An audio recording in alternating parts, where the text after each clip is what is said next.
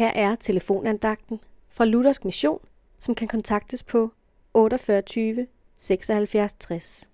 Andagtholderen i dag er Jensine Lund. I Matthæus evangelium kapitel 7, vers 24 siger Jesus, En hver, der hører disse ord og handler efter dem, han ligner en klog mand, der bygger sit hus på klippen. Hvad vil det sige, bygge sit liv på Jesu ord, og hvordan bliver de ord klippen under vort liv? Jesus siger, det sker, når vi både hører hans ord og handler efter det.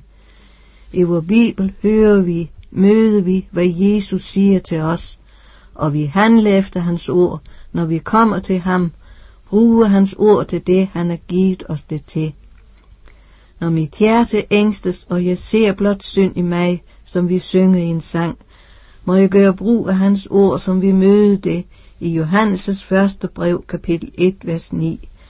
Når vi bekender vores synder, er han trofast og retfærdig, så han tilgiver os vores synder. Når vi møder fristelse, mærker hvor svage vi er, der må vi betro os til ham, bede ham hjælpe os. I vor hverdag, i alt det vi møder, må vi regne med det, Jesus siger om vor himmelske fars omsorg.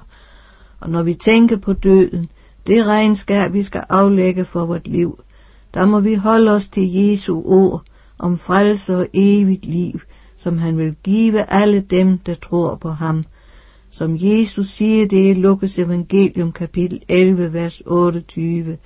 Særlige er de, som hører Guds ord og bevarer det. Amen.